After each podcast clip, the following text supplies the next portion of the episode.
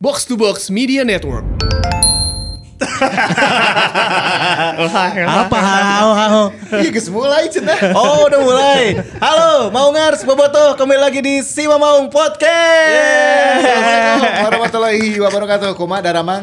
Aduh. Selamat pagi, siang, sore, dan malam ya. Kita nggak jadi episode terakhir kemarin ya. Karena insya Allah mau lebihakan bahan lah. Walah tuh nya. Cek orang oge bahasa eta lamun ngomongkeun Persib mah ti sisi ti gigir ti kenca katuhu luhur handap teh loba picaritaeun, Bro. Nah itu dia. Jadi setelah kemarin kita membahas tentang Il Capitano Firman Utina. Anjing, Wih, jersey-na dipake. abang-abang di bere. Ngeselin. Geus aya nu nawar kamari, Bro, aslina. Bade dilepas sabaraha cenah. Kalem. Sorry, urang mau ngajual ieu lamun murah. mun mahal kurang dijual. Aduh, episode 24 kita menghadirkan yang berbeda juga. Yap.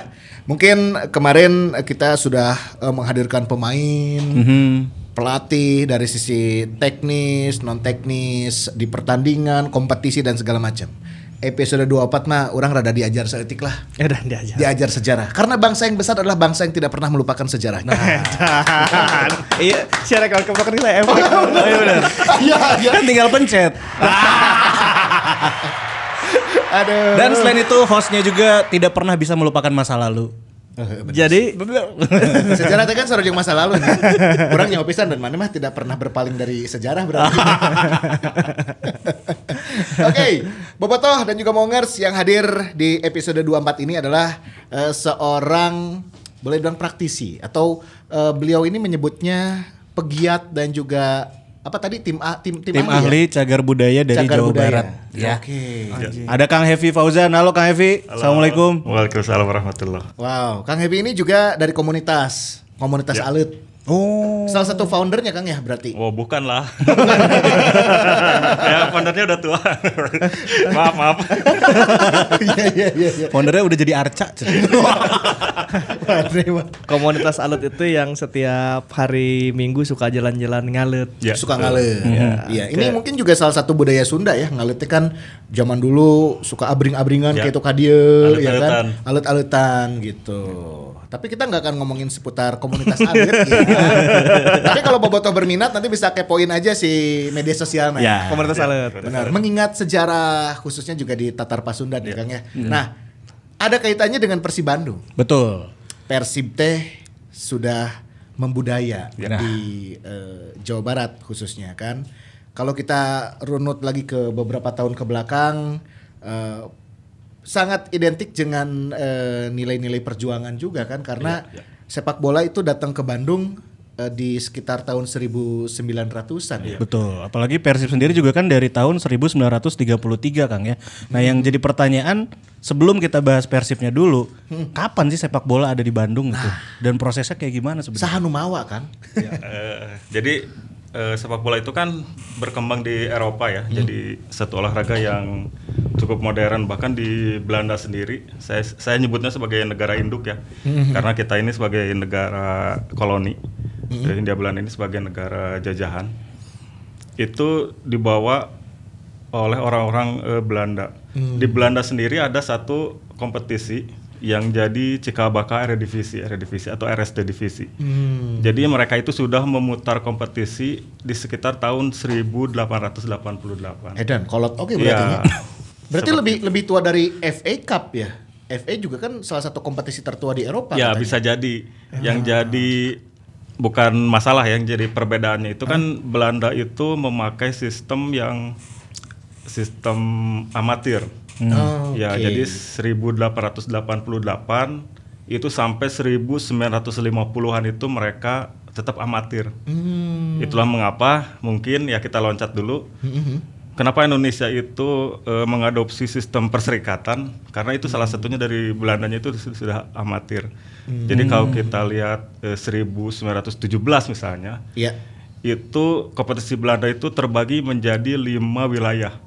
Ini sama seperti Perserikatan Indonesia misalnya jadi dua wilayah, wilayah, wilayah Hmm. Oh, timur, wilayah barat. Berapa wilayah lah ya. Bahkan ya bahkan diadopsi sampai Liga Indonesia atau Liga Super Ah, Indonesia benar, seperti benar, itu. Nah di Belanda itu sampai lima wilayah-wilayah barat, tim eh, wilayah barat satu dua, timur, utara dan selatan. Mm. Padahal negara Belanda itu kan kecil ya dibanding Iya, iya. oh, Indonesia mah tuh. Ya, sa, sa Bandungan badannya. Ya lum- lebih Ya. gede dikit dari Bandung lah ya. Iya, iya, iya. Teritorinya Ya, Bandung Raya mungkin ya. Ya kesebut kecil lah maksudnya dari ujung utara sampai selatan kan bisa naik kereta tuh. eh, Oh iya benar itu. ya. Orang reka Perancis di Belanda kayak bisa naik Iya, kereta. Itu, saking kecilnya. Nah kemudian sepak bola ini dibawa ke eh, Hindia Belanda dengan tujuan pertama adalah eh, hiburan. Jadi orang-orang Belanda totok itu kan membutuhkan hiburannya datang ke sini ke eh, Indonesia karena mereka itu juga ingin mengadopsi nilai-nilai Belanda di Indonesia. Banyak sekali nilai-nilai yang diadopsi dari Belanda ke Indonesia. Misalnya pembangunan kanak-kanak di Batavia. Itu Ah, kan iya. eh, nilai apa ya? Orang Belanda itu orang yang berjuang untuk melawan lautan ya karena negara mereka itu kan disebut Nederland. Nederland itu artinya di bawah eh, da- daratan yang di bawah eh, Daratan yang di bawah permukaan laut. ya seperti itu. Nah nilai-nilai itu di- diadopsi ke eh, Indonesia, termasuk misalnya pembuatan kanal di Batavia seperti itu. Nah termasuk eh, olahraga-olahraga. Nah mereka membawa olahraga itu untuk eh, sebagai hiburan di eh, Hindia Belanda seperti itu. Awalnya, Awalnya, mereka iya. bawa olahraga itu salah satunya sepak bola teh Iya. untuk hiburan. Hmm. Iya. Dan pada saat itu masih eh, ini ya periode penjajahan Indonesia oleh Belanda kan. Ya periode Masih penjajahan. kolonialisme lah ya. Kolonialisme. Itu sama Dendels kenal nggak Kang? Kagak mi tahun sabaraha, tahun sabaraha. Aing, aing jadi nyaho kesalahan ya di dia berarti. Naon, naon. Belanda membawa olahraga sepak bola ke Indonesia itu sebagai hiburan. Nepi ka ayeuna hiburan lain prestasi. iya ya. Lamun membawa sepak bola sebagai olahraga berprestasi, nepi ka ayeuna sigana berprestasi. Si Gana, Bener. eta tidinya. Kesalahan awal Belanda berarti eta sepak bola, hiburan urang. rakyat. Tah. Nepi ka ayeuna hiburan kayak nama tuh. hiburan. Palingan oke nya Belanda di Piala Dunia dan di Euro tidak berprestasi. ya. Oh, acan, acan, acan waktuna, acan waktuna. ya, tapi tapi kan sarua juga orang asup final, we, asup final gitu di AFF-nya. Iya sih. Oke, berarti itu kan hiburan ya. Eh, pertama kali Belanda ke sini membawa sepak bola tuh hiburan. Nah, kumaha tiba-tiba bisa nepi ka Bandung ya, Kang? Ya, eh, ya karena ya moder modernisme ya modernisme. Kemudian eh, Bandung itu jadi satu kota yang juga apa ya istimewa bagi mereka karena Bandung Tatar Sunda misalnya itu sudah diperhatikan atau dieksploitasi oleh Belanda itu di eh, pertengahan abad 18. Jadi ada sistem tanam paksa Iya. namanya Prangerstelsel. Oh, kalau kultur stelsel Itu terusannya itu. terusannya itu. Iya, jadi Pranger Stasa itu eh, contoh untuk kultur Stasa. Jadi saat itu VOC karena masih di bawah VOC ya, abad, eh, eh, pertengahan abad 18 itu mengeksploitasi Priangan lewat tanam paksa kopi. Jadi orang-orang Priangan itu dipaksa untuk eh, tanam ya menanam kopi gitu. Seperti itu. Karena komoditi ini komoditinya pada saat itu teh kopi. Ya, it- itu untuk menggantikan atau juga melengkapi komoditas lainnya itu rempah-rempah. Jadi asalnya kan Belanda datang itu kan untuk mengambil rempah-rempah. Rempah, Ah, setelah rempah mereka kuasai, ke- kemudian mereka menemukan satu tanaman lain yaitu kopi. Ya mereka bawa dari eh, Arab kalau nggak salah. Itu mereka tanam di, tanam eh, di- Priangan.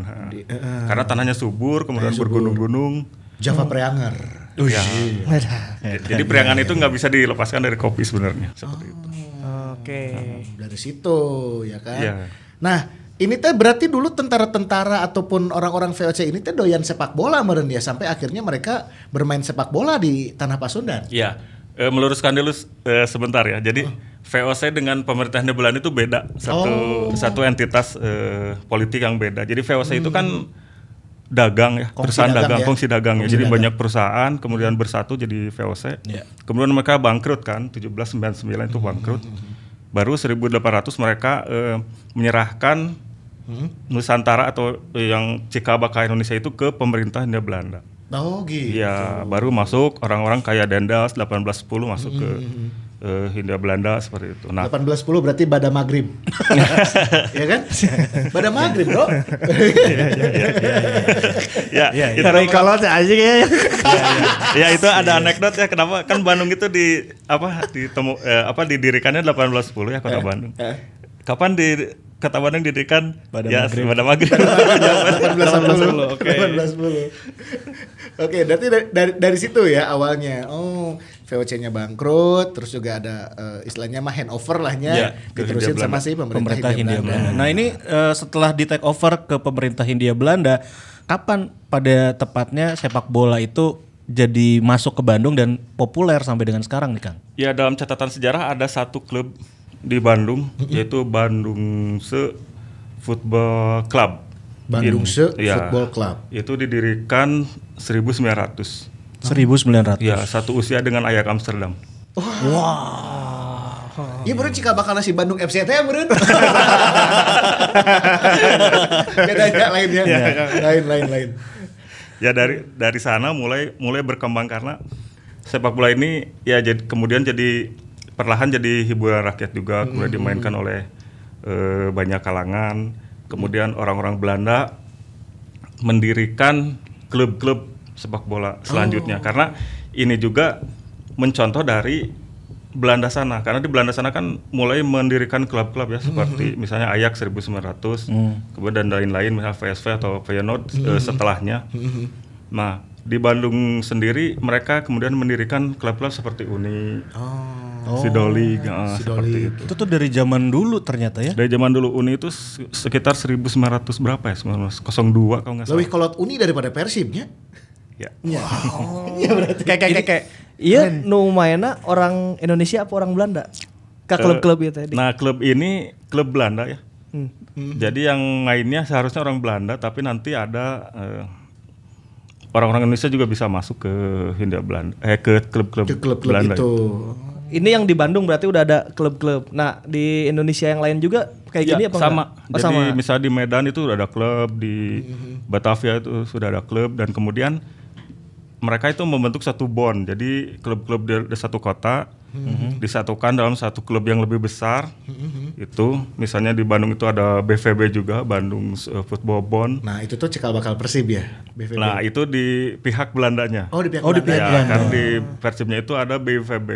BVB. Oh, Bandung iya, oke. Bandung Indische Football Bond yang itu yang BIVB, 1923 ya. Walaupun secara metodologi sejarah sumber primernya kan belum ditemukan belum ada tapi eh, ya sejarah apa ya oral traditionnya kita bilang BVB tahun sekian, Persib tahun sekian itu kan secara metodologi sejarah masih bisa terus kita cari gitu. Masih masih dalam pencarian seperti itu.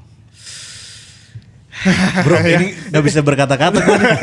Speechless lo baru baru tahu aslinya baru tahu dan memang kalau kita ulik lagi berarti sejarahnya Persib ini panjang banget gitu ya. Panjang. Oke, tapi orang mulai jadi ada pencerahan dikit-dikit ya. Tim mulai Belanda bikin klub-klub untuk bergabung sebagai bond. Di tahun Ya. 1900-an teh. Kita berkompetisi tuh sih PS Uni Sidoli. Ya ada ada kompetisinya nggak zaman dulu tuh? Ya, Kang? mereka berkompetisi. Nanti kalau kita buka webnya rssf.com, Kang Novan.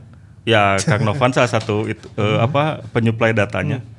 Kita bisa melihat daftar juara eh, eh, di sana, daftar juara kompetisi per kota misalnya. Nanti diaduin sama kota lain. Oh. Seperti itu.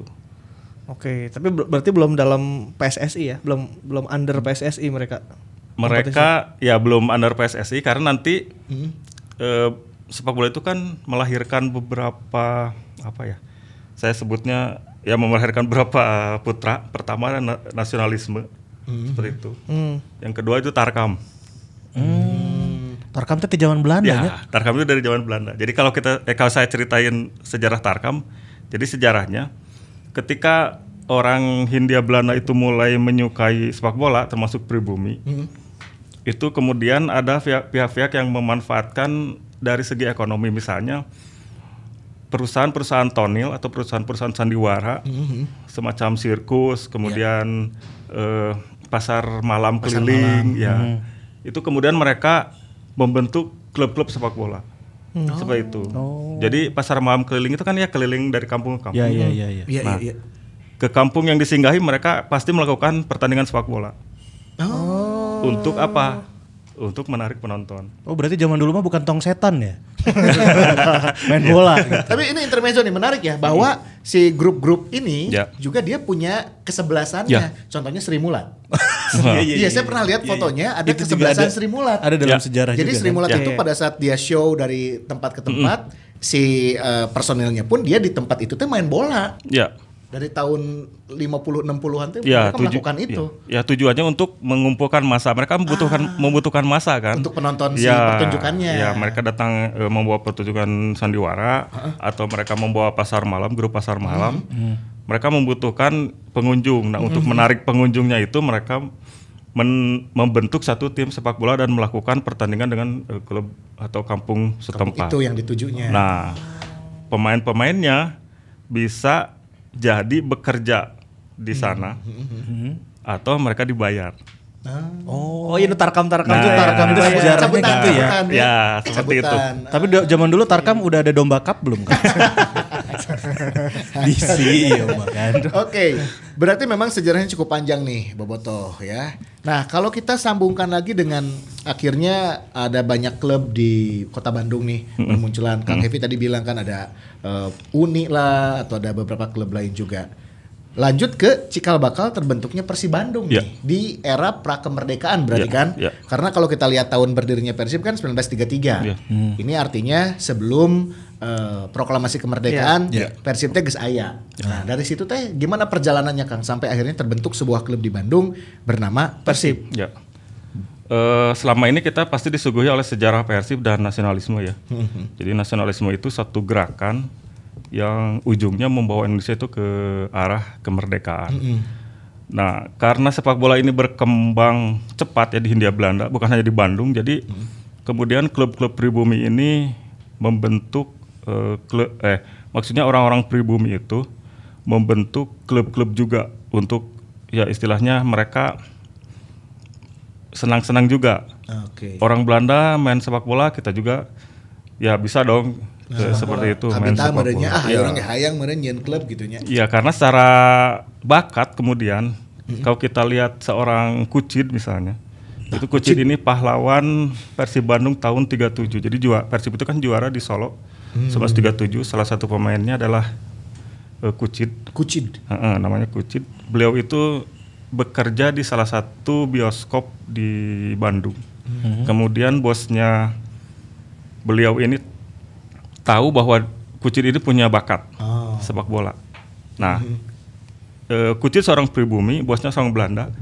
Si Kucid ini, eh si Kucid, beliau ini Apa kan? Wow. Wow lah. si Kang Happy jeung kucit teh geus pisan tah. Kang pernah foto bareng yang Kucid. Kucit-kucit dia orang Bandung, Kang. ya orang Asli Bandung ya? Asli Bandung, pribumi ya. pegawai satu bioskop. Nah si bosnya ini memasukkan Kucid itu enggak ke klub pribumi, Oh. tapi ke klub Eropa.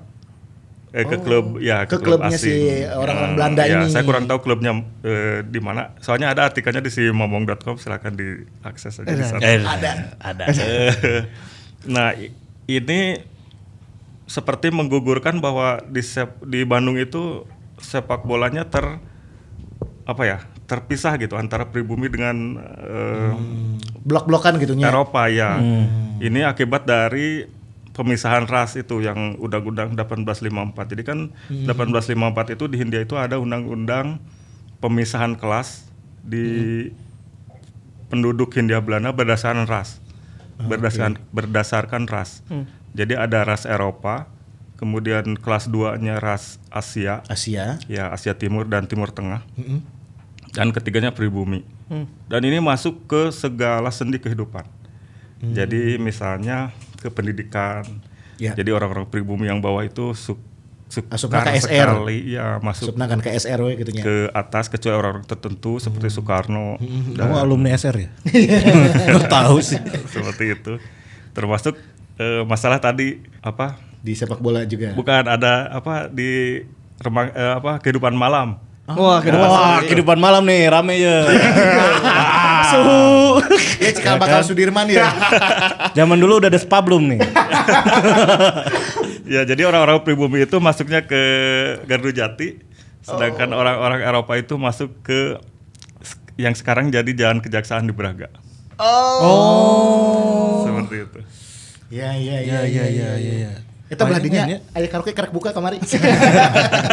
Kan memang eh, di sekitaran Jalan Braga budayanya atau bangunan-bangunan masih identik dengan Belanda juga ya Kang ya. Ya karena itu pusatnya orang-orang Eropa di sana. Untuk eh, tadi ya selain hiburan, Hiburan sepak bola ada macam. hiburan di situnya juga Ya ada gitu ya. bioskop juga di sana. Seperti itu. Menarik menarik menarik. Iya. Eh, kemudian i- i- tadi masalah hiburan ya. Jadi, nah dalam buku-buku kita kan suka baca Persib terbentuk karena orang-orang pribumi itu mainnya di luar kota gitu. Hmm. Pernah baca nggak? Eh, Orang-orang Belanda mainnya di dalam kota. Itu kalau dalam perspektif lain karena Bandung itu kan masih kecil ya. Jadi batas Bandung itu sebelah timur itu kaca-kaca wetan. Perapatan lima, perapatan tapi lima gitu. Perapatan 5. Iya. Kayaknya Ya. Simpang 5. Hmm, Simpang lima. Kemudian di sebelah baratnya kaca-kaca kulon di Andir.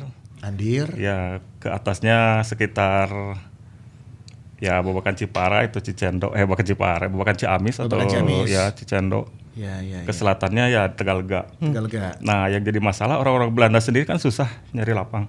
Mereka main awal-awal masuknya sepak bola ke Bandung itu mainnya di alun-alun.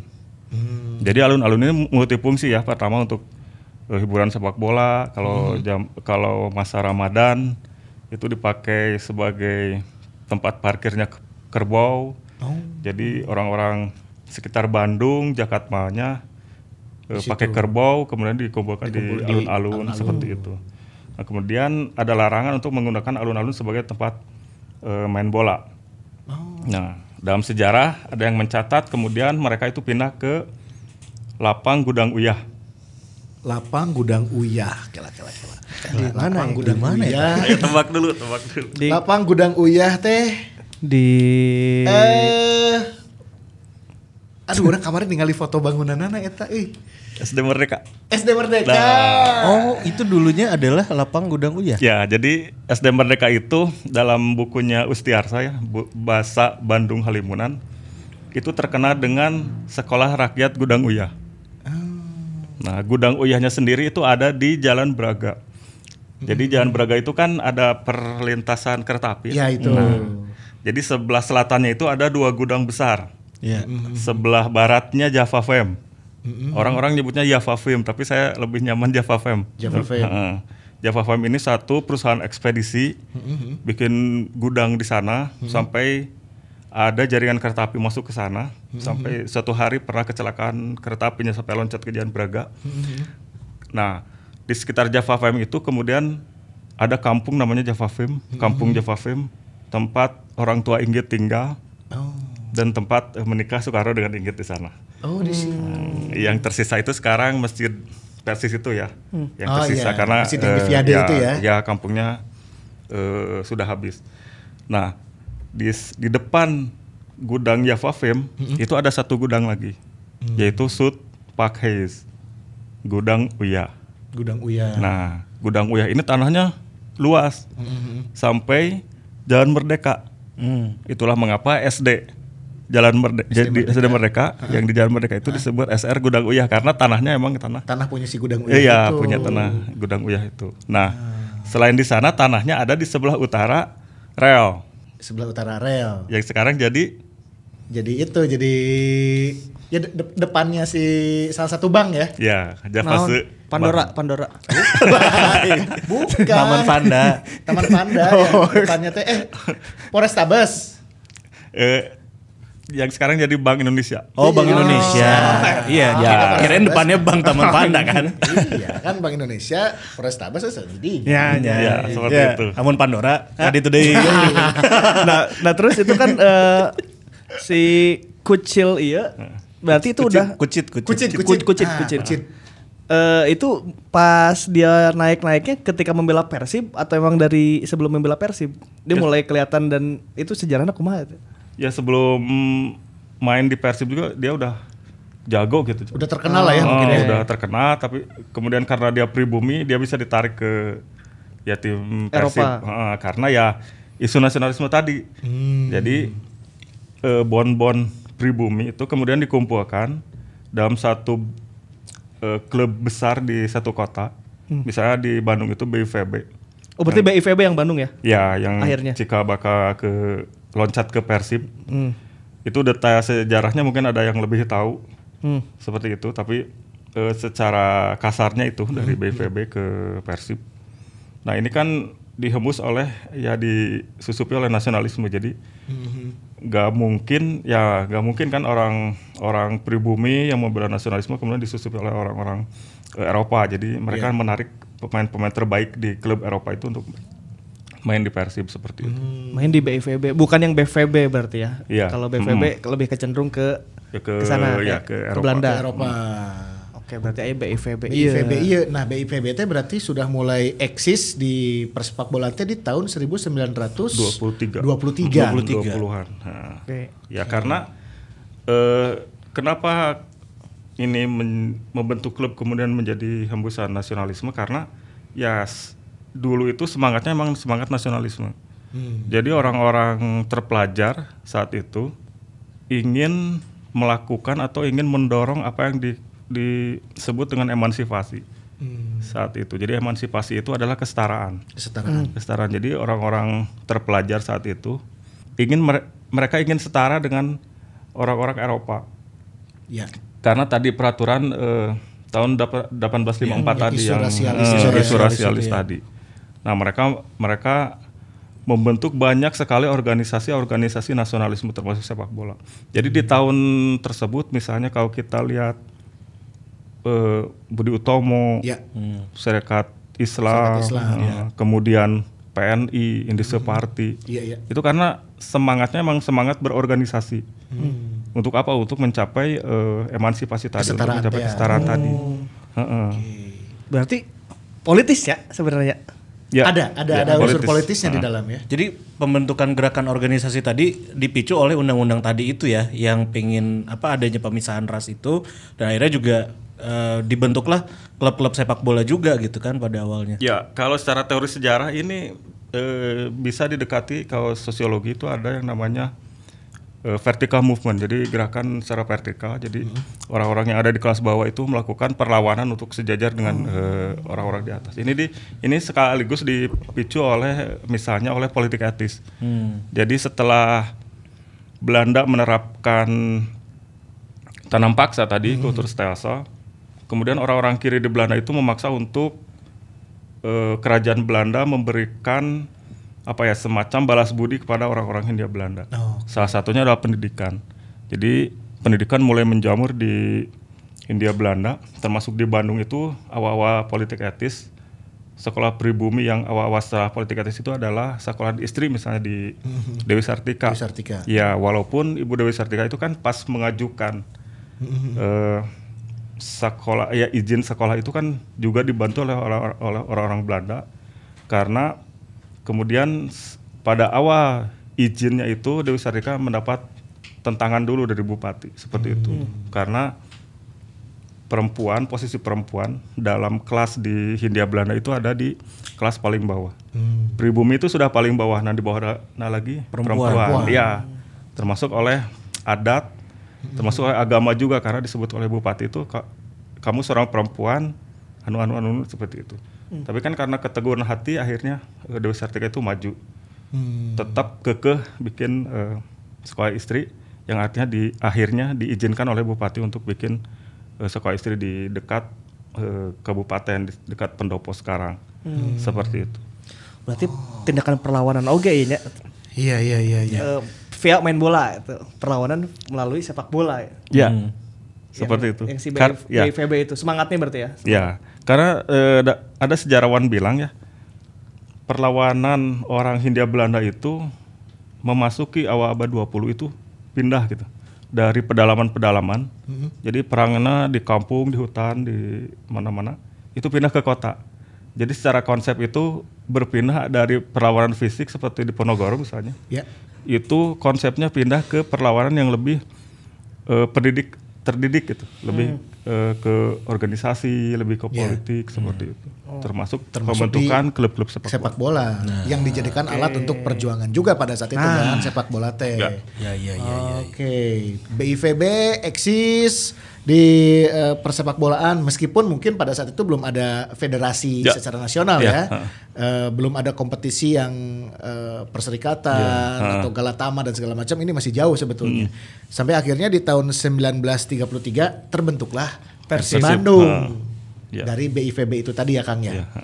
Jadi sebelumnya BIPB ini kemudian bersama banyak klub di Hindia Belanda itu kemudian menyokong pembentukan PSSI. Ya, 1930. Sahwa eta Kang. Eh, ya bisa dibaca. Bobotoh, fakta yang akan kita ulas bersama Kang Hevi, kenapa begitu banyak? Karena Kang Hevi sebetulnya adalah time traveler. si Avenger. Oh jadi kayak BIVB sama bon-bon yang lain tuh Iya, akhirnya membentuk Sur- membentuk Surabaya. Membentuk. PSSI. Surabaya, Jakarta, Solo, Jogja seperti itu. Surabaya, Jakarta, Solo, Jogja membentuk PSSI. Oke. Berarti akhirnya PSSI terbentuk terlebih dahulu lah ya di tahun 1930-an ya. Ya, PSSI terbentuk untuk menyaingi NIVB. NIVB. Nah, itu NIVB itu nasionalnya Hindia Belanda. Oh, sudah ada federasinya dulu Ya, Hindia federasi- Belanda Federasinya. dan disaingi oleh PSSI. Dan si Ya. NIVB itu adalah yang memberangkatkan Hindia Belanda juga di Piala Dunia pertama. Iya, 1938 seperti itu. Oh, gitu. Jadi itu lain Indonesia Indonesia teuing ya nu main di Piala Campuran Dunia. ya, Campuran. Kang ya. Eh, pemainnya campuran, tapi ke arah sini. Jadi si FIFA itu sudah mengakui bahwa yang mengikuti 38 itu emang emang Indonesia gitu. Jadi Oh, mereka Indonesia. mewakili Indonesia. Jadi jadi konsepnya gini. Ada klub, dua klub, dua tim Belanda. Jadi ke- tim kerajaan Belanda dan tim Hindia Belanda. Hindia Belanda. Heeh. Nah, tim Hindia Belanda ini diakui sebagai tim Indonesia. Oh, Bisa dilihat di situs FIFA kok. Oh jadi itu Indonesia berarti. Indonesia tercatatnya di FIFA mah di FIFA Indonesia, karena yang main Piala Dunia. Belanda yang pada saat itu yang saat ini jadi tim nasional Belanda KNVB. KNVB lewat kerajaan itu ya. Ya, lewat kerajaan. Eta. Oh iya, berharga ya informasinya. ya. Masa lalu tapi memang waduh ya tadi ya kita akhirnya tahu bahwa sejarah Persib sepak bola bisa ada di Bandung dan sampai dengan saat ini kalau boleh dibilang memang sampai dengan Persib sekarang era yang paling awal kompetisi yang paling diingat adalah Perserikatan dan Galatama mungkin Kang ya. Iya, eh, perserikatan itu sudah ada di tahun 30-an sudah ada. Dari 30-an udah Iya, ada. jadi Persib kan juara perserikatan tahun 37 di Solo itu kan udah berbentuk perserikatan. Udah perserikatan kompetisi itu Ah. berarti di- dibentuk kompetisi setelah memang PSSI juga terbentuk Ya, ha. pada saat itu tekan ya. Iya. Oke, Persib 1933 Itu Kucnil Kucnil itu. Hmm?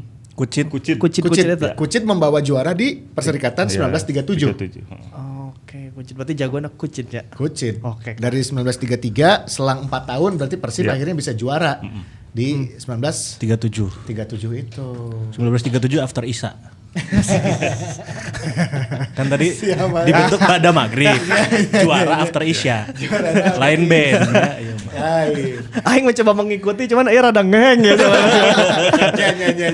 Oke, lanjut Itu ya. berarti itu pas Era pra- pra kemerdekaan. kemerdekaan. Nah, pasca kemerdekaan sepak bola itu jadinya seperti apa nih Kang di tangan pemerintah Indonesia? Ya, eh, pemerintahan sendiri kemudian melanjutkan apa yang dilakukan oleh orang-orang pribumi ya di di era pra kemerdekaan. Jadi mereka tetap melanjutkan apa yang disebut kompetisi perserikatan.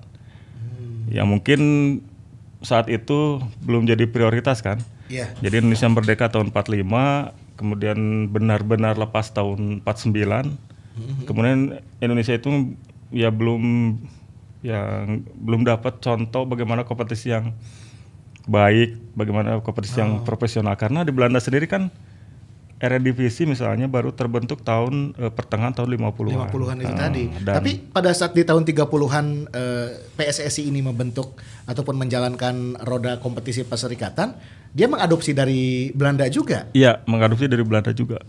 Jadi sistemnya amatir. Jadi sepak bola Belanda itu sampai pertengahan tahun 50-an itu tetap amatir. Sampai kemudian ada beberapa pemain yang ditransfer ke Perancis. Ada satu aturan yang melarang orang-orang Belanda itu mendapatkan uang dari sepak bola. Sampai seperti itu. Oh. Ya, saking konservatifnya orang-orang Belanda seperti itu. Nah, kemudian terjadi gerakan tahun eh, pertengahan tahun 50-an yang kemudian me- melahirkan Eredivisie itu tahun 56. Seperti itu.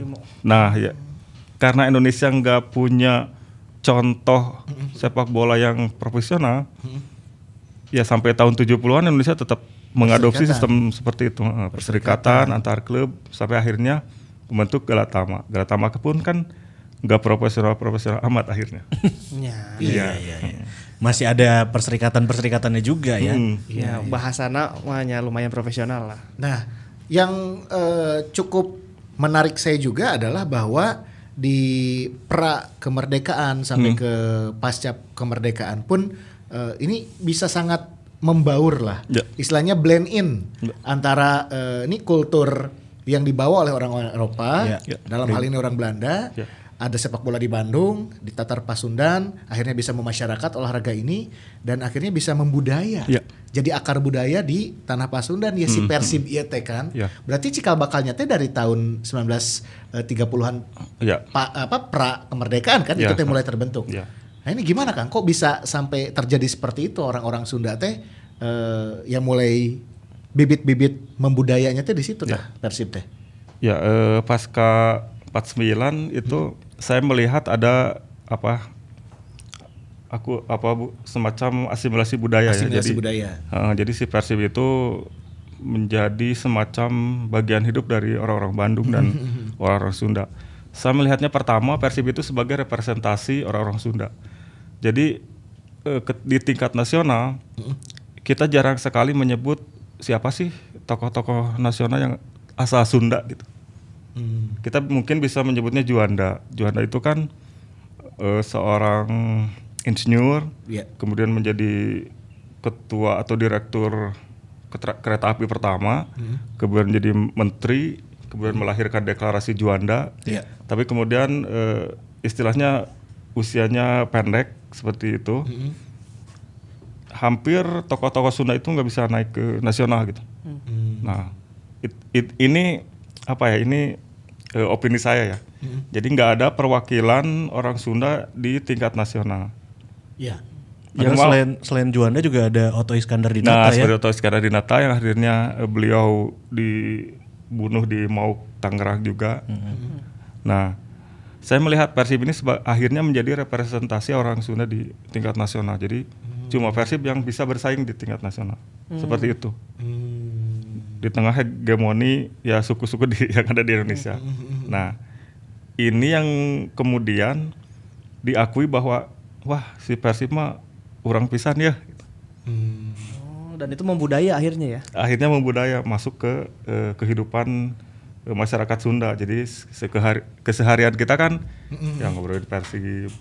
Kalau menang kita ya sangat gembira Ya, gitu. kalau kalah Hariwangnya. Ya seperti itu.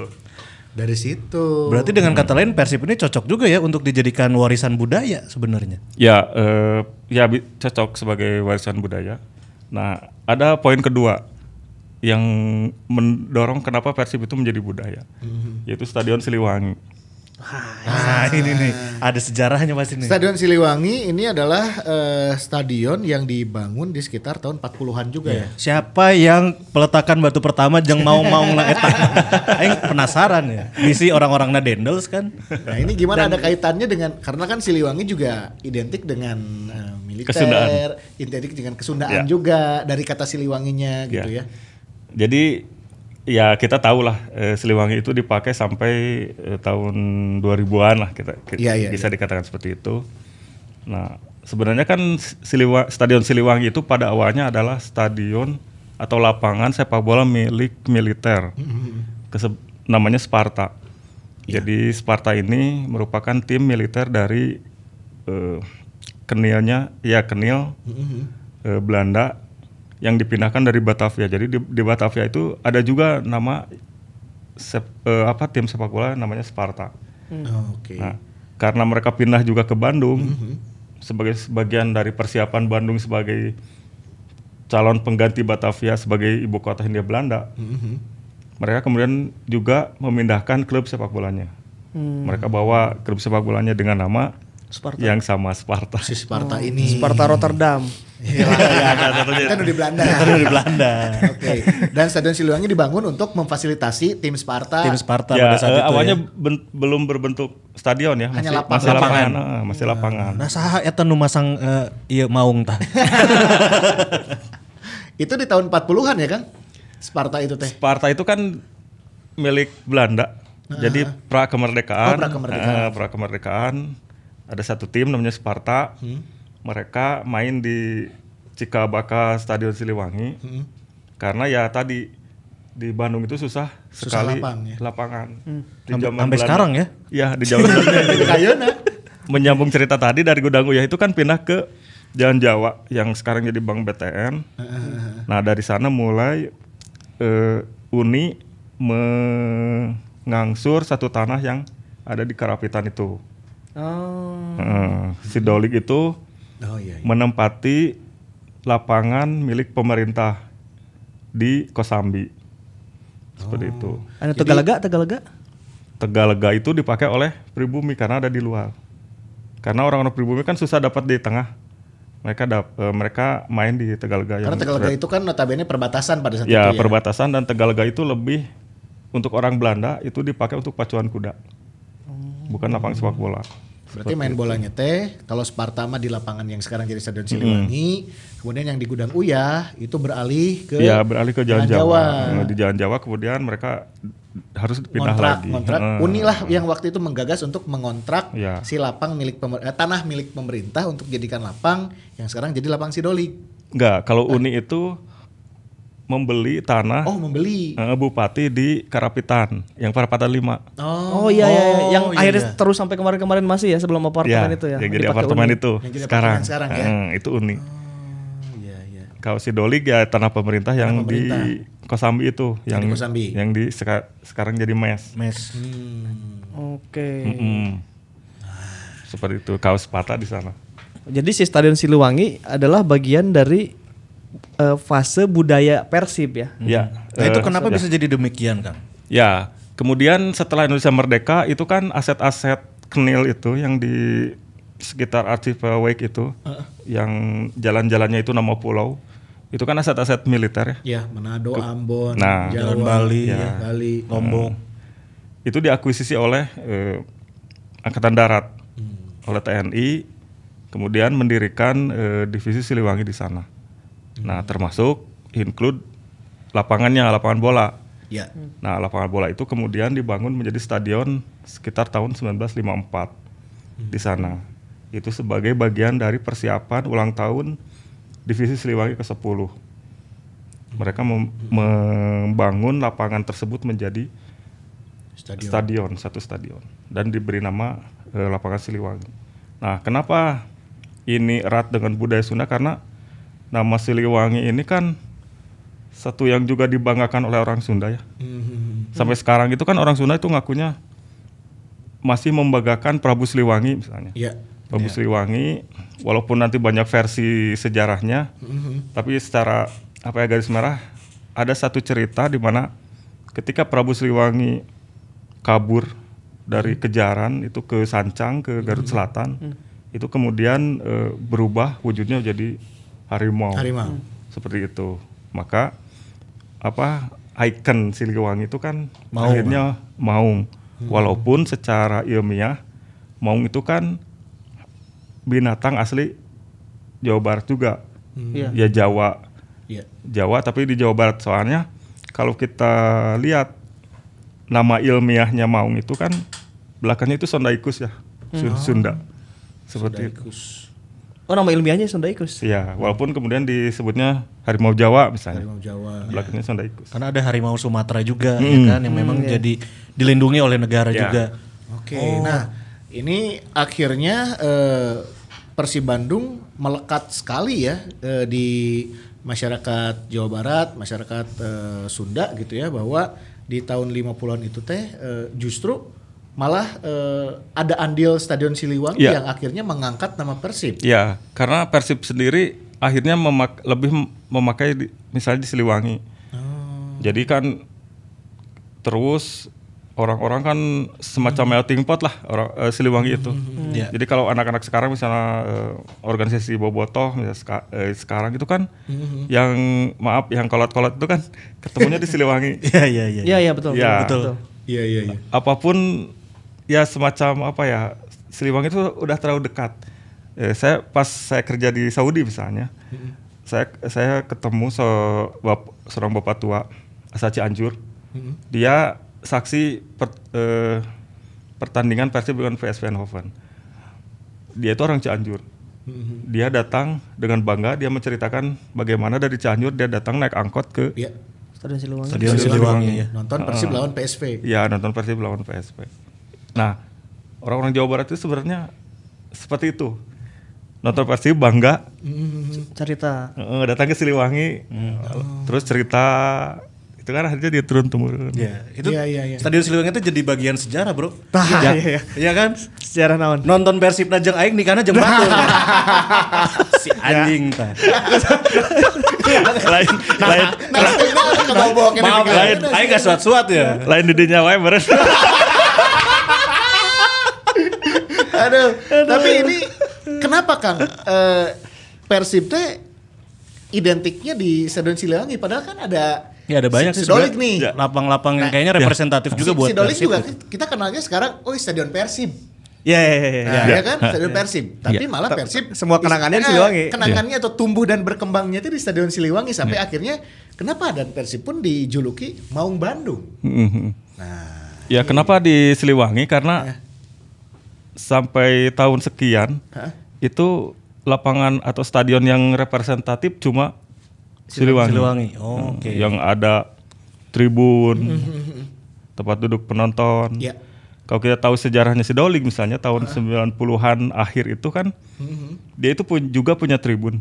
Iya. Tapi terbuat dari kayu seperti itu. Oh, berarti tidak bisa menampung penonton banyak lah ya gitu. Ya tidak representatif. Itu bagaimana pemain-pemain PSP misalnya PSP, PSP. PSV, PSP mah PSP Padang.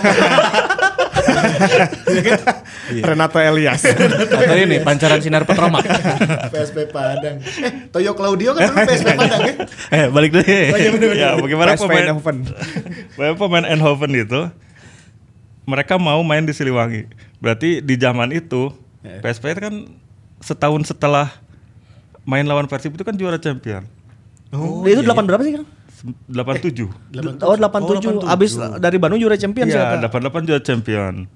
Desembernya juara Piala Dunia Toyota Cup. Tuh, 89 aing lahir. Sama Oke, oke, oke, oke, oke, oke. Ya, orang butuh klarifikasi anu, pas Happy sama dapat sama. Cuma ya. Iya, pemainnya nu jaragoana siapa SP Mas Eta? ya ada Ruth Gullit. Oh, Gulit ke Siliwangi berarti Iya, main di Gullit main di Siliwangi. Siliwangi. Eric Garrett itu kaptennya. Belgia. Terus, Seksi football, seksi football eta main di Siliwangi anjing balana. ya, Keren ya. ki- Kipernya Stamford Bridge, Stamford Bridge down lah Gulit ya. Pernah main di Siliwangi sarojeng aing.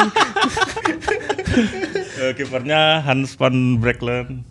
Oh, itu main Ya, lawan juara Piala Eropa tahun 1988. Ya juara juara juara kerangka eh, timnas Belanda yang juara di tahun 88, juara Ya. Piala 88 teh Itu yang banyak Siliwangi. Itu banyak yang main pemain Ya, PSV pemain PSV. Main di yang Siliwangi bareng sama Persib. Siliwangi. Ya. Itu skuadnya Persib pada saat itu siapa yang paling terkenal tuh? Yang terkena ya aduh lupa eh nggak bisa nyebutin. 86 berarti. Baru lahir soalnya. Mana ada? Mana ada? Kayak, kayak itu berarti PSV Eindhoven mau main ke Bandung salah satunya gara-gara ngeliat stadionnya bagus berarti ya. Ya Stadion bisa jadi seperti itu. PSP kan melakukan dua pertandingan ya. Ya Hmm. salah satunya dengan salah satunya dengan Persib seperti itu. Ada juga pemainnya yang sekarang lagi terkenal, Ronald Koeman. Oh, pelatih Barcelona. Pelatih Barcelona. Ya, juga. pelatih Barcelona. Eta main di Siliwangi. Main di. Siliwangi. Kuman. Kuman.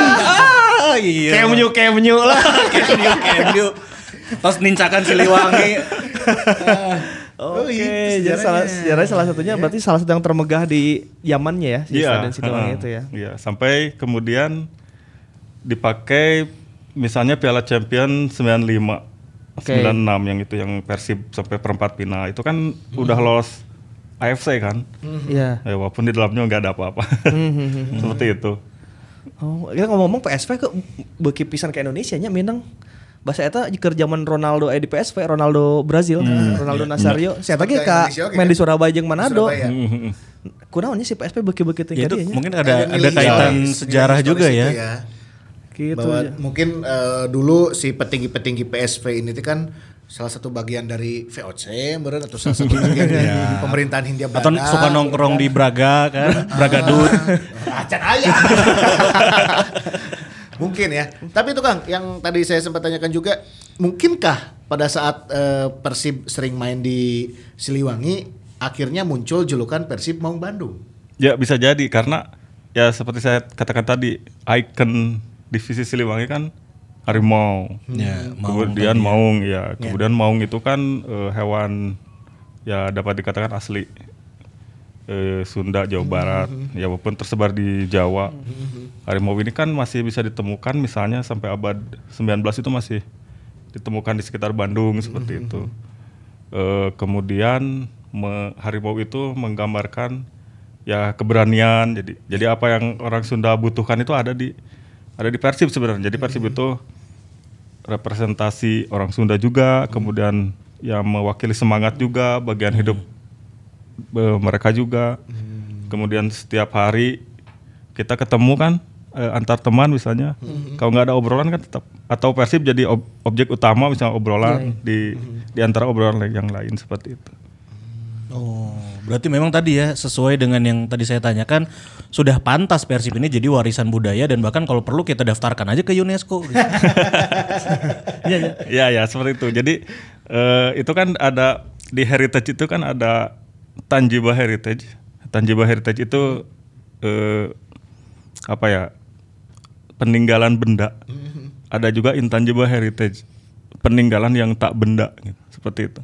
Jadi peninggalan tak benda itu seperti budaya, semangat dan lain-lain yang pokoknya suatu, sesuatu yang ada di satu masyarakat kemudian menjadi nilai hidup turun temurun itu bisa dijadikan intangible heritage. Wah, udah sah berarti Persib ya sebenarnya. bisa tuh Ya, karena kan seharusnya bisa. bisa. sudah mendarah daging udah berjalan membudaya menjadi sebuah kultur di masyarakat Jawa Barat Ya. Bandung khususnya dari tahun 1930-an lah Ya, ya heeh. dari pra kemerdekaan sampai ke pasca kemerdekaan apalagi itu tadi mungkin tadi sempat dibilang soal Kang Heavy bahwa banyak orang-orang yang akhirnya eh, dari luar Bandung teh Ya. merasa memiliki Persib Ya, juga kan Bangga. Bangga gitu oh orang mana orang mana aing yang ke Bandung lah aja Persib Kamu Bandungnya mana? Tasik. kan sok aya nu gitu. Atau mungkin gini dulu aja eh, orang-orang saya orang-orang Kabupaten Bandung teh pada saat mau ke kota bilangnya juga ke Bandung. Hmm. Ya kan? Ya kan? Karena kan pusatnya ada di ada di situ gitu kan. Padahal dasar kan orangnya orang Bandung ya. Tapi kayaknya kayak anggar reka mana reka Bandung gitu kan. Ya. Ada satu kebanggaan akhirnya pada saat salah satunya mungkin direpresentasikan oleh Persib Bandung itu Ya. tadi sebagai nilai juang, nilai budaya, ada semacam semangat, ada semacam hal-hal lain yang akhirnya membudaya sampai sekarang orang teh ngomongin Persib teh Ya. Ya, iya budaya, budaya Dan, aing dan gitu. bukan hanya Bandung ya, kita bicara sekarang Persib juga sudah jadi bagian bagi seluruh masyarakat Jawa Barat Ya. dan utamanya mungkin Indonesia Ya, gitu kan. Seperti itu. Tadi, sense of belongingnya itu sudah terbentuk si dari eta non non heritage tadi cenah anu intangible. Intangible. Intangible heritage. Intangible. intangible heritage berarti si Bali United encan ya kayak seberapa puluh tahun deh Tapi mungkin orang Bali, eh orang ke buka intangible heritage. Gelora Dewata. Presiden Denpasar. Gelora Dewata. Oke berarti itu Siliwangi jadi salah satu ikon ini ya, Iya. ikon budaya yang di mana kita berkumpul, kolot-kolot orang, kolot-kolot Iya. kan. kolot boga anak, orang-orang ngobrol, tuh. orang boga budak kayak budak orang, budak orang di mana tapi kayak di, geus GBL ah, berarti Kang. Kamu nah. budak orang kayaknya. Iya ya. Karena Berarti ada fase dipakai. ada fase transisinya ya ya. Bener. Jadi memang dari zaman Siliwangi sampai akhirnya kita punya stadion GBLA itu kan tadi ya eh, Siliwangi dianggap tidak representatif lagi Iya. untuk eh, bobotoh dan menampung supporter ya yang banyak bahkan ada saat itu pertandingan lawan Persija kita sampai Central Ban loh. Iya iya. Ya kan? Makanya Siliwangi akhirnya eh pemerintah Kota Bandung membuat stadion eh, GBLA dan sekarang kita beralih ke sana. Ya. Saat Can KGBLA orang sempat main Persib sempat main Jalak. sering di, Di Jalak Heula, Harupat. Ya, eh, ya cerita tentang jalak eh, cerita tentang jalak dulu. sebenarnya kan Jalak juga kan me, apa ya merepresentasikan budaya juga Iya. budaya Sunda. Jadi si Jalak Harupat ini pertama itu nama pahlawan nasional atau Iskandar Dinata. Batista. Nama julukannya. Ya, ya. Beliau Dinata. lahir di Balai Endah, kemudian meninggal di Mauk Tangerang, walaupun jasadnya tidak pernah ke- diketemukan. Kemudian beliau aktif juga di sepak bola, termasuk di Persib, walau tidak jadi ketua dan aktif di beberapa ya kegiatan sepak bola nasional juga. Nah, yang kedua Jalak Harupat itu diambil dari nama kalau nggak salah ya ayamnya Ciung Wanara seperti itu, itu si Jalak Harupat seperti itu. Oh, julukan ayamnya Ciung Wanara. Hmm, Si ya. Jalak Harupat teh. Ya seperti itu. Jadi Jalak Harupat pun sebenarnya sudah merepresentasikan eh, ya bud- eh, budaya Sunda. Budaya Jadi Sunda. Harupat itu kan apa? Ujung atau apa ya dari bagian dari eh apa ya? Kalau sapu ijuk itu apa? Lidi. Ya ada sapu injuk itu yang kerasnya itu namanya harupat. Namanya Harupat. Ya, harupat itu sifatnya itu bisa seperti pisau bisa merusak, bisa bisa melukai seperti itu. Iya, iya, iya. Nah, itu eh, arti dari si Jalak Harupat. Nah, kalau Persib main di si Jalak Harupat sebelum tol ada, Mhm. tol Pasir Koja Soreang, eh, Tol Seroja. Itu penduduk pasti eh, menunggu di pinggir-pinggir jalan seperti itu. Hmm, di Katapang. Ya. Iya, iya, iya. Warung lobak. Ya, seperti itu. Di Maing, Sayati, Robocop. Iya, iya, teh kopo, teh Mana kopo. Robocop, eh? Rombongan Bobotoh Iya, iya, tak budak-budak lalu kan eh, Iya, kayak gitu ada. Nunggu- Iya. Nungguan bis nggak ada daan pemain, Ya, padahal ya. eueuh pemainnya tuh. Itu juga termasuk masuk ke budaya, Iya. Pemelih- eh, konservasi budaya harusnya. Seperti itu. Jadi sebenarnya kalaupun Persib lebih cepat naik ke tol, naik ke tol, itu sebenarnya mengurangi apa ya? kedekatan dengan eh, penduduk yang ada di Kopo sebenarnya. Seperti itu. Apalagi sekarang ke GBA misalnya nggak lewat apa-apa, Iya, iya. langsung Iya, di iya. GBA itu kan sesuatu yang apa ya? Tolonglah buat driver bis Persib ya. Pak Wawan, Pak Wawan. Masih Pak Wawan, masih. Tolonglah. Ini warga masyarakatnya butuh hiburan walaupun kita nggak bisa nonton nanti ya. Iya. Pada saat pertandingan minimal nggak ada dahan weh. Untuk Persibnya kan dada-dada itu senang. Nah, untuk tim lawan jadi kan orang wah. Tapi nih, sekarang kan udah mulai agak luntur ya budaya Hmm, kita eh, nungguan per- bis Persib lewat, Ya. nungguan pemain lewat di sisi jalan menyoraki atau sekedar say hi gitunya. Nah, baheula kan. Baheula apakah eh, kultur supporternya teh sudah terbentuk juga Eh, kayak Nah, ya, ya. Bobotoh tuh kayak rombongan sih gitu datang ngabring ayo orang ke Bandung lah Jo Persib atau lebih ke individualis aja ah sorangan-sorangan we datang panggil di lapang gitu. Bala teh. Eh, ya.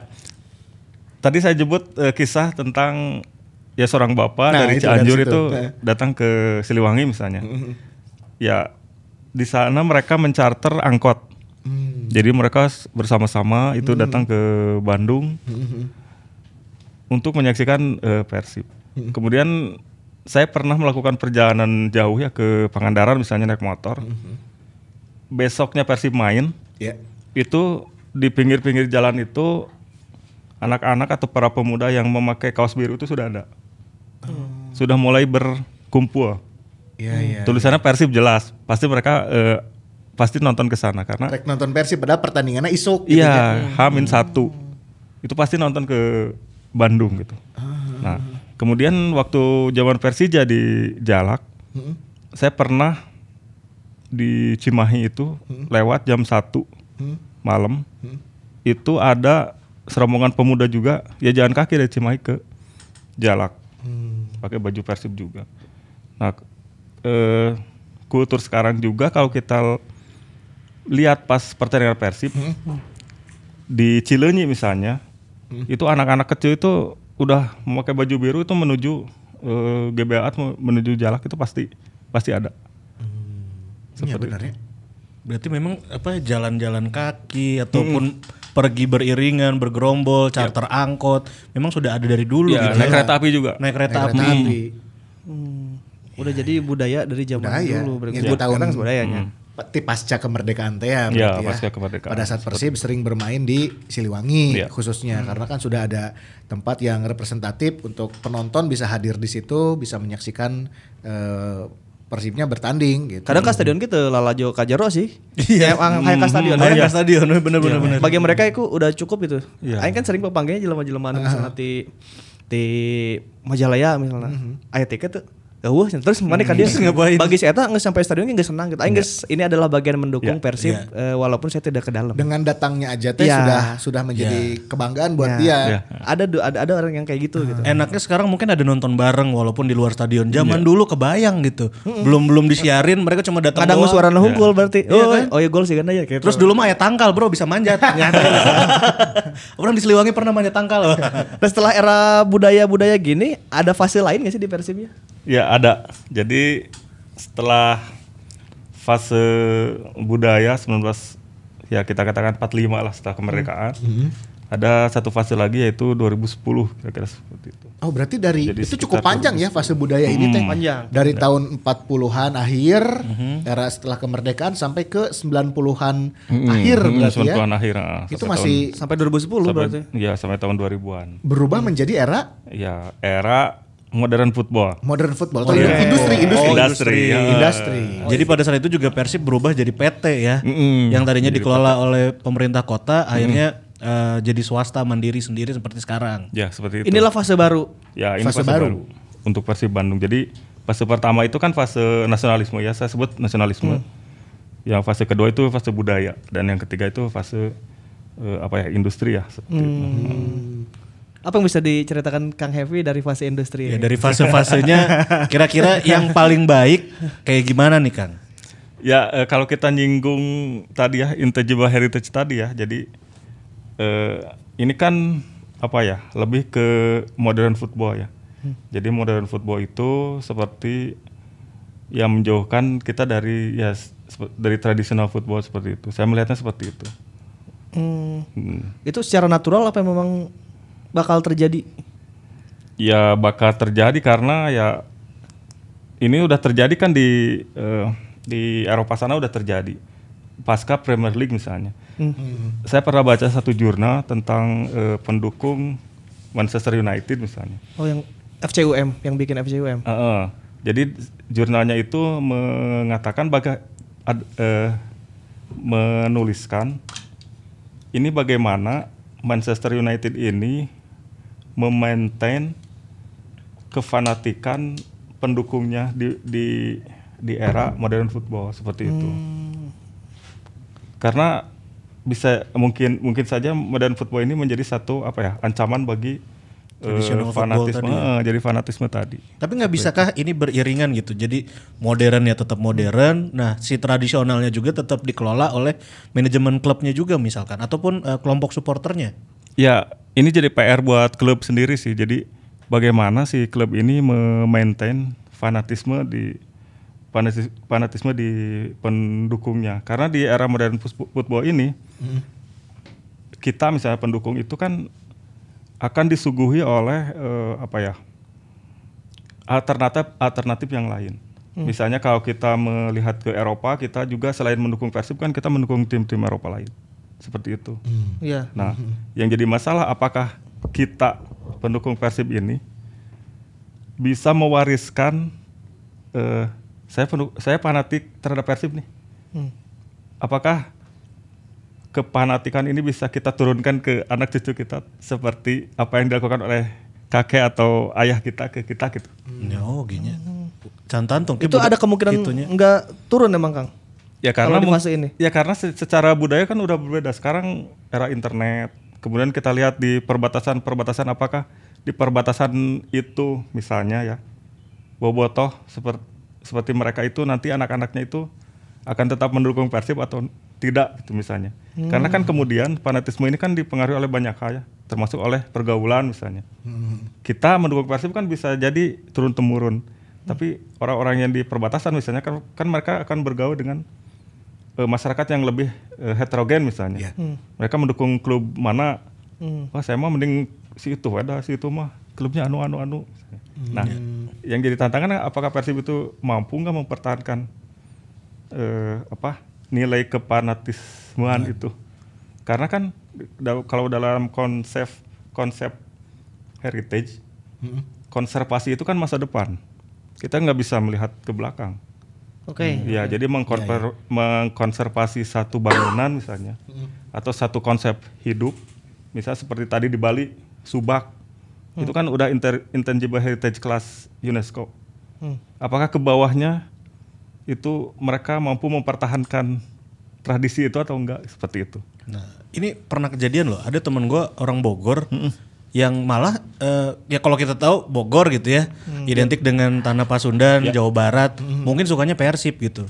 Ternyata pas zaman kuliah eh, enggak, enggak sih, udah lulus kuliah gitu, malah sukanya Bali United gitu. Nah, seperti Ka- itu. Karena melihatnya ya tadi dari sisi modernitas, eh, klub eh, pemain-pemainnya dan juga ya udah nggak ngeliat lagi sejarah.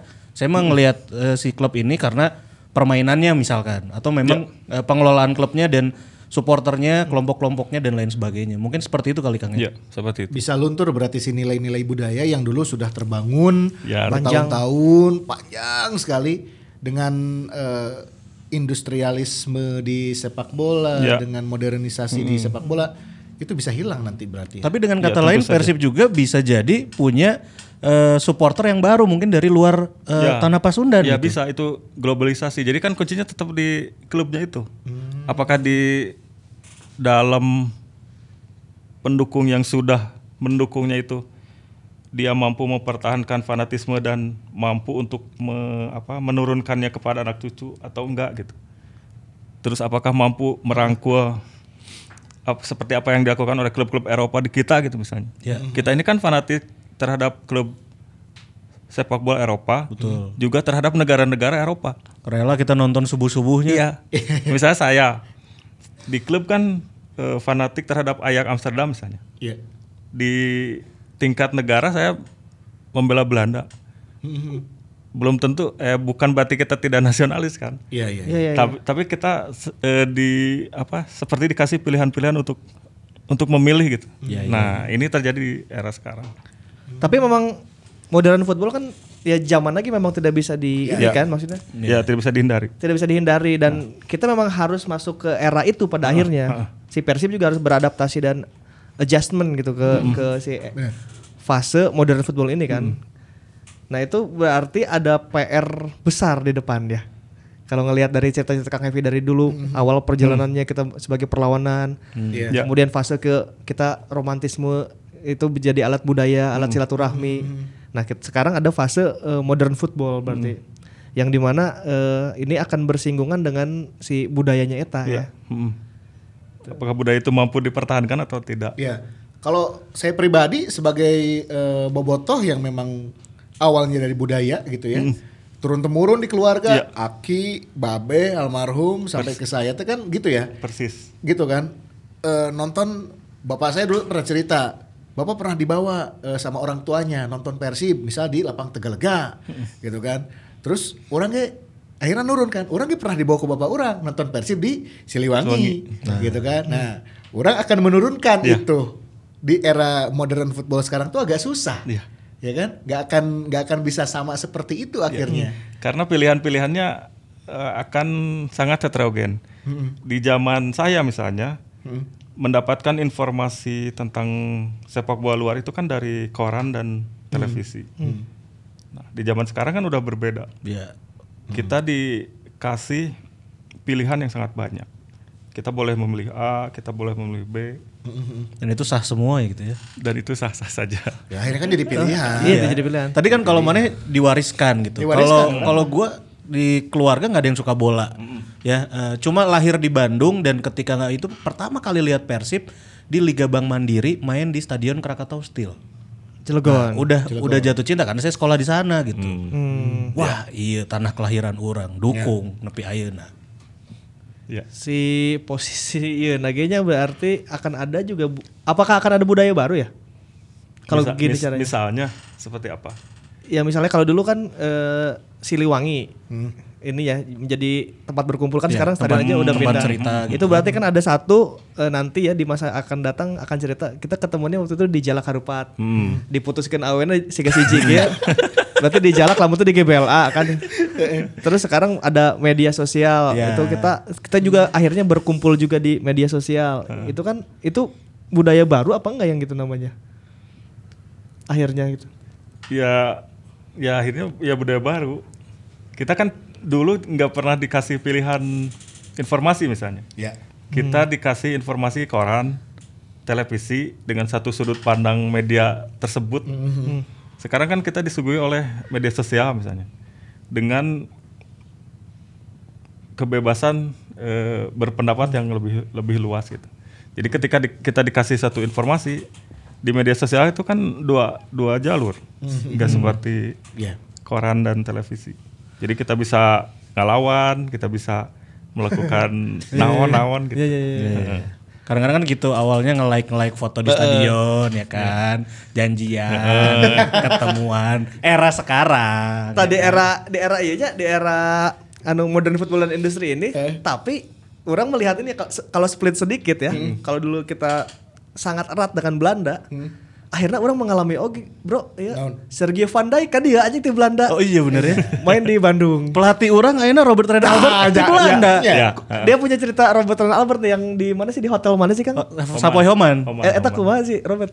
Eh. yang bapaknya Ya katanya bapaknya pernah di Bandung, eh kakeknya ya, kakeknya Kakeknya pernah itu di pemain Bandung. musik di Ah, salah satu restoran itu kan yang di Braga. yang di Braga atau di Hotel Homan seperti itu. Jadi dia itu nostalgia. Jadi sebenarnya ya orang-orang Belanda itu yang punya keterkaitan dengan Hindia Belanda itu mereka punya emosi yang apa gitu kalau ke Indonesia gitu. Jadi misalnya si Abed, eh, si Abed. Robert Robert. udah Coach kebiasaan Robert. nyebut. Ikrip, ikrip bisa dia. Ikrip betul. Jeung Robert mah. Jadi eh, Coach Albert itu dia itu merasa terharu gitu bisa datang ke Bandung karena karena apa? Karena kakeknya pernah tinggal di eh, ya tiga- pernah tinggal di Bandung. Iya iya iya. Ini bukan konsep negara penjajah dengan penjajahan ya karena Iya. sebagian besar orang-orang Belanda di Hindia Belanda itu mereka lahir di Indonesia juga di Hindia Belanda juga. Termasuk beberapa pemain timnas Belanda juga kan per- lahir di Hindia Belanda. Nah, ini kan menjadi kebingungan tersendiri ketika saya lahir di sini, besar di sini, kemudian secara budaya sudah dekat dengan eh, tempat ini. Mereka di, kemudian pasca 49 harus diusir dari Hmm. Hindia Belanda yang ke negeri yang tidak mereka kenal. Hmm. Walaupun mereka itu memegang eh, kewarganegaraan Belanda misalnya, tapi kan itu nggak mereka nggak kenal. Saya nggak lahir di sana, saya nggak besar di sana. Oh, secara kedekatan hati ya. Oh, Iya. kata-kata ya. Emosionalnya di situ dapatnya. Si Robert dapat berarti di Bandung Iya. ya. Robert dapat Iya. meskipun Robert tidak lahir di Bandung. Hmm. Tapi ada silsilah keluarganya yang pernah berkunjung ke sini dan mengingat gitu ya. Iya karena ada tradisi orang-orang lama yang tinggal di Hindia itu mereka melakukan apa ya semacam reuni, semacam oh saya saya di Hindia pernah ke sini, oh, saya saya di Hindia pernah ketemu siapa seperti itu. Termasuk mereka kemudian datang ke sini melakukan nostalgia nostalgia karena ya hubungannya kemudian bukan hubungan penjajah dengan jajahan lagi, tapi lebih ke, ke- kehidupan eh, sosial gitu. Iya, mungkin kan? juga beberapa eh, saya pernah ketemu sama orang-orang dari luar, khususnya mungkin dari Belanda. Ya. Dia udah turunan keberapa sebetulnya Iya, dari eh, apa silsilahnya dia Ya. dulu, ya kan? Yang pernah datang ke Indonesia, pernah datang ke Bandung, misal entah itu di pemerintahan Hindia Belanda gitu ya, ataupun ada urusan lain gitu ya orang-orang orang-orang tuanya dia dulu teh datang ke Bandung gitu ya. Nah dia pun eh, ada semacam orang kudu ke Bandung euy karena baheula. Buyut orang teh pernah di Bandung pernah melakukan hal ini dan segala macam. Orang teh hayang napak tilas oh baheula teh eh, kamana wae nya kolot orang teh gitu. Nah si wisatawan-wisatawan ini teh datang ke Bandung akhirnya untuk bisa explore hal itu Ya, gitu nya Ya kalau di keluarga perkebunan itu ada keluarga Karkoven. Jadi mereka sering datang ke misalnya ke maska, makam Boska di Pangalengan, kemudian ke Gambung ke eh, perkebunan ya perkebunan teh itu yang ada makam Karkovennya juga. Kerkhoven. Ya Rudolf. Rudolf van Kerkhoven ya. Heeh. ini mungkin ada hubungannya sama pesepak bola juga Nico van Kerkhoven ya kalau diurut bisa jadi. diurut bisa Diurut jadi ya jadi. Nico, Nico van jadi ya. Kerkhoven itu PSP ya kalau nggak salah PSP Eindhoven Iya, iya. Iya, Nico van Kerkhoven. Ya, kalau kita ke Pandu misalnya ada makam satu makam namanya Van Bronckhorst. Oh iya, bisa jadi dulur Van Ya, Bronckhorst. bisa Bisa Jadi jadi, lamun dirunutnya. Soalnya Van Bronckhorst punya keturunan Indonesia kan? Iya, keturunan emang keturunan Indonesia. Kemudian kalau di Pandu itu ada satu museum keluarga Ursone. Ursone itu Mm-hmm. satu keluarga peternak sapi di Lembang. Mm-hmm. Jadi sekarang jadi ayak itu eh, di Lembang, perusahaan ajak. Tanah Ursone itu salah satunya dipakai untuk eh, penerbangan bintang, Boska. Boska. Ya, itu disumbangkan oleh ur- keluarga Urson. Mhm. Nah, di makamnya itu kan bentuknya museum ya. Mhm. Itu ada ukiran-ukiran nama termasuk ada Van Dijk, Van, Dijk di sana. Nah, berarti emang saya Ah, iya nah, saya Silsilahnya saya jalurna, jalurna. Ya, seperti itu. Jadi kita sudah punya sejarah tentang eh, tadi pemerintahan Hindia Belanda bahkan dengan negara Belandanya sendiri dan orang-orang Belandanya juga mungkin punya keterkaitan Ya. juga sama orang Indonesia dan bahkan kalau nggak salah ya eh, saya pernah ada studi juga ke sana bahwa masih ada kayak apa buku-buku atau kamus-kamus di perpustakaan Belanda yang asli Indonesia gitu. Ke mana? ya kayak kamus-kamus Sunda gitu-gitu kan masih masih ada yang di sana gitu katanya.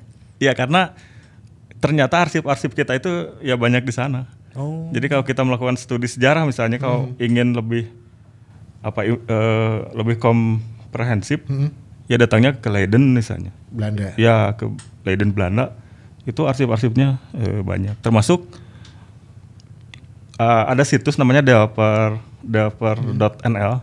Mhm. Itu isinya buku-buku dan koran-koran eh, lama Indonesia. Misalnya kita bisa menemukan bagaimana eh, Pranger Bode me- memberitakan pembangunan Stadion Siliwangi misalnya dalam bahasa Belanda. Mhm. Fotonya ada walaupun sedikit buram. Itu itu di internet ada. Bagaimana kita menelusuri misalnya eh, Juanda tadi. Hmm. Deklara- Beli- termasuk deklarasi ya, dan lain-lain. deklarasi di zaman Belanda itu beliau setelah lulus eh, TH di ITB, dia bekerja di departemen eh, perairan. Nah, bisa diurut dia itu jabatannya apa, Mhm. tahun sekian jadi apa, tahun sekian jadi apa. Itu bisa di bisa diteliti. Akhirnya, iya jangan-jangan ya. Setelah ngobrol-ngobrol ke Nick Kuipers eta baheula-baheula Sebenarnya, saeutik saeutik lah aya Saeutik eta mah aya, DNA DNA Atau Bandung. meren urang ge baheula boga aki ti Belanda meren. Bisa wae. Kan bisa wae. Ya bisa bisa lah. bisa Lamun lah. teh orang bisa dirunut teh buyut orang teh misal no sih eh, turunan-turunan anu di luhur teh Iya, iya, aya. pernah jadi opas. ya, Ya kan siapa tahu kan mana kan sok dagang baheula buyut mana teh VOC. Itu jadi opas orang jadi Tapi gawe di keluarga kesalahan utama Belanda nya eta nu tadi awal menjadikan sepak bola kada adalah hiburan. Hiburan. Hiburan Ya. siap prestasi datang Ya. ka dieu. Aduh. Jadi orang kayak juara Piala Dunia. Tapi kita support lah eh, apa pra piala, Piala Dunia nanti 2021 kan ada di sini. Oh, di iya. Indonesia U20. anu junior nah. sobat Belanda ya. Eh. anu junior nah. yang pasti juga Indonesia menorehkan sejarah juga di persepak dunia, termasuk di Piala Dunia yang pertama 1938 bukan Hindia Belanda yang dicatat justru Ya. Indonesia. Indonesia. Eta anu juara Uruguay lain. Uruguay. Oh berarti eta moyang-moyang na Eloko. Gonzales. Dua, dua edisi dua edisi Dua awal edisi dari- dua edisi awal kan Uruguay nu juara. Iya, iya, Termasuk cerita timnas Prancis lah ya kan yang perjalanan dari Prancis menuju ke Uruguay nah kan make iya make pesawat eh, nah, Kapal laut, kapal laut. Make kapal laut. Ruth Gullit, Ronald Koeman pernah nincak Stadion Siliwangi. Pernah nih. Ingat Nah, itu ya. sejarahnya. Kita mesti bangga nih yang pernah main bola di Stadion Siliwangi. Tapi kalau kita lihat ke belakang juga ternyata banyak tim-tim Eropa yang dari dulu tuh sudah mulai datang ke Indonesia Iya. untuk eksebisi, persahabatan dan segala macam ya kan ya. Iya, banyak. Terakhir juga 2014 kan Ajax yang ke sini. Yang satu sama sama si Konate teh. Benar, Ajax. Eta ge si Kuman. Pelatihnya bukan eh, Frank de Boer. Oh Frank de Boer namanya. Frank de Boer. Frank de Boer. Iya, iya, iya. Wow. Ya, ya, ya, benar, benar, benar. Menarik pembahasan Menarik, kali ini. Walaupun rada ngeheng ya. ya, Bobotoh, wayana orang diajar sejarah heula we, ya. Oke, ini tentunya informasi yang disampaikan oleh Kang Hevi juga menjadi wawasan tambahan untuk kita semua ya. betul. Ada poin-poin yang orang teh nyaho, akhirnya nyaho eh tadi. Nah, mungkin Ada juga ada yang ya? ingin menambahkan tinggal komentar aja. Itu dia, ya. Ya, Menarik terus sekali. Yang paling menarik adalah kita juga tidak sabar menantikan kiprahnya Persib menuju Liga 1 yang Oh. akan bergulir sebentar lagi ya. Katanya jadwal sudah keluar. Jadwal Ya. sudah keluar ya kan. Extraordinary schedule. Extraordinary schedule. kalau Angki tidak ada berarti dia sedang meliput jalannya pertandingan. Jadi buat Boboto yang nanya Angki ke mana, bukan indisipliner. Saya emang tugas ngaliput ya, persiapan Persib. entah meliput latihan ataupun jalannya pertandingan uji uji coba dan nanti kita akan bahas di podcast selanjutnya. Selanjutnya kita akan bahas ya persiapan Persib Bandung jelang lanjutan kompetisi Liga Indonesia 2020 ini. Kang Evi atur nuhun ya. Mudah-mudahan eh, tadi mungkin apa yang bisa obrolan kita ya, mungkin nggak sih bisa disimpulkan kalau ke depan Persib ini eh, udahlah dijadiin cagar budaya dan bahkan kita bikinin museum aja. Ya, eh, ya sampai sekarang sampai sekarang ini eh, saya melihat belum ada kajian-kajian yang komprehensif tentang sejarah Persib ya. Jadi sejarah Persib itu lebih ke apa ya oral history jadi sejarah lisan gitu. Jadi apa yang Oh, dilisankan, beja ya, lamun. Beja. ya kemudian tertulis dalam buku-buku sejarah itu kan Belum. ya secara metodologi kan sebenarnya tidak bisa diterima. Tapi karena belum ada eh, apa ya sumber alternatif yang lebih valid, maka itu i- itu dulu yang diterima oleh masyarakat seperti itu. Ke depannya saya mengharapkan adanya kajian misalnya eh, satu tesis atau disertasi tentang sejarah Persib misalnya. Itu kan udah jelas ya. Eh, kalau saya kasih bocoran misalnya tadi eh, pakai pendekatan eh, ilmu sosial yang vertical movement itu jadi Heeh, seperti itu. Jadi harus ada kajian keilmuan. Kajian keilmuan ini sebenarnya secara materi ya.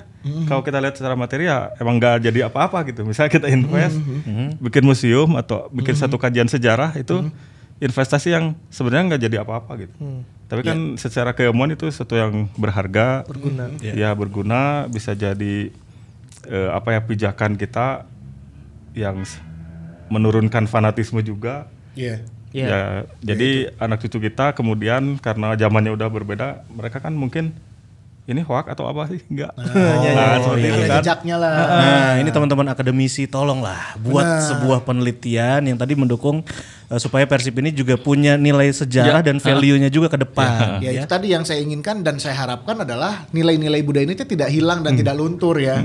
Terus bisa dijaga, terus bisa diwariskan kepada eh, generasi selanjutnya gitu. Mereka harus tetap mengenal bahwa sejarahnya Persib, sejarah sepak bola, baheula teh siga kieu, baheula babe urang kieu, baheula aki urang kieu teh itu teh akan melekat selamanya gitu. eh. Ya, aduh.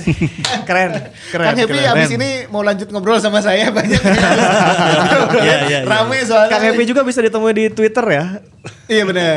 Di at Pak Happy Pak. ah, pipa. Pipa. Gitu di. Terima kasih Kang Evi. Ya salam buat teman-teman dari komunitas Alet ya. Eh, mudah-mudahan kita nanti bisa ngobrol lagi dan juga Boboto hatur nuhun pisan yang selalu setia dengerin si Mamong Podcast. Jangan lupa dengarkan di Spotify, di Spara juga. Dan kalau kamu suka juga nonton di YouTube, jangan lupa di like, komen dan subscribe. Yes, terima kasih buat Boboto dan tentunya terima kasih juga buat Box to Box Media Network. Kita ketemu lagi di Si Mamang Podcast episode ke-25.